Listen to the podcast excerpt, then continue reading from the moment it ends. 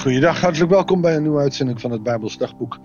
Fijn dat u luistert. Allereerst wil ik iedereen bedanken die al een gift heeft gegeven. Het is echt van een, een kleine tot een hele grote gift. Maar voor mij is alles dierbaar. En dank voor hen die bijgedragen hebben om zo de podcast ook in het nieuwe jaar weer gestalte te doen geven. We gaan vandaag lezen een psalm. Hij is van Asaf. En ik denk dat ik wel weet waarom die nu gelezen wordt. Tussen Openbaring, Jesaja, Samuel, maar ook in Advent. Want op verschillende plekken in de, de Bijbel wordt er verwachting uitgesproken. Zo ook Psalm 80. Als het volk weer afdwaalt van wie God is. Is het God die aangeroepen moet worden om redding. Advent zou dit jaar wel eens een periode kunnen zijn om aanroepen van redding. Niet alleen voor persoonlijk leven, maar ook voor Israël, Oekraïne en andere oorlogshaarden in de wereld. Psalm staat niet op zich. Het is een roep om verlossing. Openbaring is de uiting van verlossing. Laten we gauw gaan lezen, het is een lange psalm. Psalm 80 voor de koorleider op de wijs van de ladies. Een getuigenis van Asaf. Een psalm. Dus het is een getuigenis van Asaf, een psalm. Uh, en de wijs, nou, die, dat is dan op een bepaalde wijze die ze in die tijd kenden. Hoor ons, herder van Israël die Jozef leidde als een kudde. U die troont op de serups, verschijnt in luister aan Ephraim, Benjamin en Manasse. hier gebeuren een paar opmerkelijke dingen. Allereerst het feit dat God hier wordt aangeduid als herder. Dat wordt in het Oude Testament heel weinig gedaan. Het beeld van Jezus als goede herder is veel duidelijker. Vooral in het Nieuwe Testament kom je dat heel veel tegen natuurlijk ook hè, uh, in Psalm 23.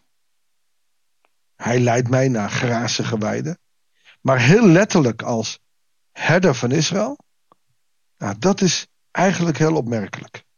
Maar daarnaast, u die troont op de serups. En je kan het vergelijken als de grote, machtige God die troont in de hemel. Oftewel, zie het beeld van openbaring 4 voor je. Maar ook een God die in Jezus, Advent, in, in het kleine kind als vriend op deze wereld verschijnt. Welk een vriend is onze Jezus? Of Johannes 15, vers 15. Ik ben niet gekomen om jullie als slaven te behandelen, maar als vrienden. Hij is dus de grote koning die ons ook wil leiden als herder. Aan Ephraim, Benjamin, Manasse, de groepen die het op dat moment het hardst nodig hebben. Een gebed, laat uw kracht ontwaken. Kom en red ons. Nou, weet je, dat kun je zo in deze tijd ook bidden. Kom en red ons. God keer ons lot ten goede. Toon uw lichtend gelaat en we zijn gered. Dit, dit denk ik over alle christenen in Nederland. Want je hebt verschil tussen gelovige mensen en levend bekeerde mensen. Mensen die echt verlangen en verwachten de komst van de Heer. En die leven met hem dag in dag uit. Of, de mensen die op zondag alleen in de kerk komen. We hebben veel meer van die levend gelovigen nodig. En daarom is die roep: Kom, Heilige Geest, en vul hen. Want dat is keer ons lot en goede. Dat, daar moeten we zelf wat aan doen. Maar alleen gevuld door de kracht van de Heilige Geest. Heer God van de hemelse machten. Hoe lang nog blijft u vertoond op uw biddend volk? Ook dat zou je zo op ons neer kunnen zetten. Allereerst God van de hemelse machten. El Sebaot. God van de hemelse machten. Oftewel de God of de Heer der Heerscharen. Dat zijn de ouderwetse woorden. De hemelse machten, dat zijn al die engelen die een legerkracht heeft. Zie je ze staan als de herders van één engel te horen hebben gekregen. Opeens zien ze de lucht helemaal licht worden. Het hele leger van de Heer staat daar te zingen. Ere zeg God. Dan gebeurt er wat. Maar dit leger kan ook andere legers totaal omverblazen. Het is het leger van God. Hoe lang nog blijft u vertoond, uw bebiddend volk? Nou, is God nu vertoond? Ik kan me voorstellen dat hij vertoond is. En bidden? Mag je bidden? Moet je bidden? Natuurlijk moet je bidden. Gisteren sprak ik nog iemand. Die zei, ja joh, maar de meeste gebeden worden niet verhoord. Omdat dat vaak, en ik denk dat het waar is, gebeden zijn die wij willen. Niet wat u wil en wat God wil. We vragen zoveel, we willen zoveel. Begin eens met te danken wat je hebt. U liet ons brood van tranen eten. En een stroom van tranen drinken. De schrijver laat hier het gevoel geven, of het gevoel hebben, Asaf, dat God ons die ellende heeft gegeven. Ook zeven. U hebt andere volken tegen ons opgezet. Onze vijanden drijven spot met ons. Nou zie je dat in het Oude Testament nog gebeuren. Daar is veel meer God als leider van het volk als herder. In het Nieuwe Testament hebben wij veel meer de zelfstandigheid. God wil ons leiden, maar dan moeten we afhankelijk willen zijn van Hem. Dan zie je dus het verschil voor en na Christus. Vandaar dat de psalm ook kunnen zeggen: God, u heeft andere volken tegen ons opgezet. U liet ons brood van tranen eten. Weet je, als ik tegenwoordig mensen zie die een bitter verdriet hebben, is dat niet Gods schuld. Maar veel meer onze eigen schuld. Maar we geven God nog wel de schuld. We blijven als, als nieuwtestamentische gelovigen heel vaak deze teksten ons aantrekken. Ze zie je wel, het komt van God. Even. Het is een psalm. Oud-testamentisch. Het zegt iets over het gevoel van Asaf. We hebben zoveel verdriet, zoveel pijn, zoveel ellende. En dan komt er omkeer. U hebt een wijnstok uitgegraven in Egypte. Dat is Israël. Die 400 jaar in Egypte moest wonen. En door Mozes werd ze daar weggehaald. En volken verdreven om hem te planten. De Ammonieten, de, de en de... Iedereen moest vertrekken uit Canaan. U gaf hem een ruime plek. Hij schoot wortel en vulde het land. De bergen werden bedekt door uw schaduw. De machtige ceders door zijn, twijde, zijn twijgen. Hij sterkte zijn takken tot aan de zee, tot aan de grote rivier zijn ranken. Oftewel van de Middellandse Zee tot aan de Jordaan. Het was een land van melk en honing. Waarom hebt u zijn omheining vernield? Voorbijgangers plukken hem leeg en wilde zwijnen vroeten hem om. Veldieren vreten hem kaal, omdat de mens God in de steek heeft gelaten.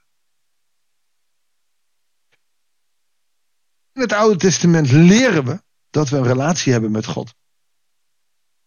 In het Nieuwe Testament gaat hij ervan uit. Je hebt een relatie met mij. En dan krijg je een soort van volwassenheid en moet je het doen. En mag je om zijn leiding vragen. In het Oude Testament wordt het volk nog heel erg aan de hand meegenomen. En je ziet daar ook telkens weer de verwarring. En als het misgaat, krijgt God de schuld toen mijn kinderen nog thuis woonden. En er ging iets mis. Dan werd er boos naar mij gekeken. Jij hebt het me zo geleerd. Of jij moest. Van jou moest ik. Waren ze blij mee. Nu zijn ze het huis uit. Pa, het is jouw schuld. En dan lachen ze aan. Want ze weten dat ze het zelf gedaan hebben. Dat is oud en nieuw testament. En hij erkent hier. U heeft ons, Israël, een plek gegeven. En toch, toch zijn die omheiningen vernield. Waarom? Omdat wij u niet in de gaten hielden. Waarom denk je dat er in de Bijbel zo vaak staat: Hij is de God van hemel en die hemel en aarde gemaakt heeft? Hij is de God die ons bevrijd heeft. Wij zien die bevrijding niet. Wij zouden kunnen zeggen: het is deze God die ons in Christus bevrijd heeft van de dood, van de zonde. En waarom zondigen we dan nog? Dat gebeurt hier. God van de hemelse machten keert u tot ons. Kijk uit uw hemel en zie, bekommer u om de wijnstok. U die de stek die uw hand heeft geplant, het kind dat u zelf heeft grootgebracht. Het is verbrand en weggehakt, verkwijnd onder uw duistere blik. Leg uw hand op uw beschermeling.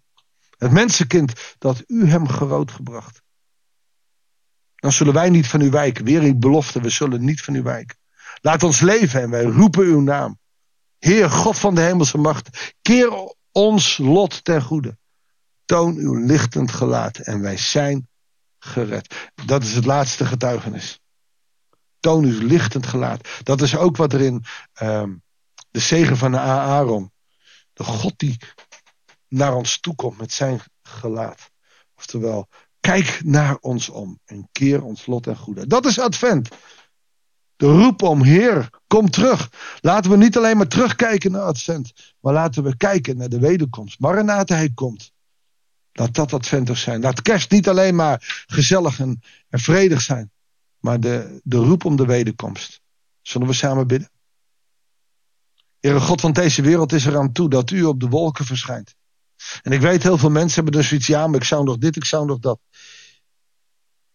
Heere, toch willen wij leven alsof u morgen terug zou komen. Nog voordat het kerst 2023 wordt. Kom haastig, kom spoedig, want deze wereld heeft vrede nodig. En dat is niet de vrede van een kerstkind 2000 jaar geleden. Nee, dat kerstkind moet terugkomen op de wolk als een volwassen God. Die koning is over heel de wereld. Dan pas zal er vrede zijn. Kom haastig, Heer, kom haastig. Maranatha. Amen. Dankjewel voor het luisteren. Ik wens je God zegen en heel graag tot de volgende uitzending van het Bijbelsdagboek.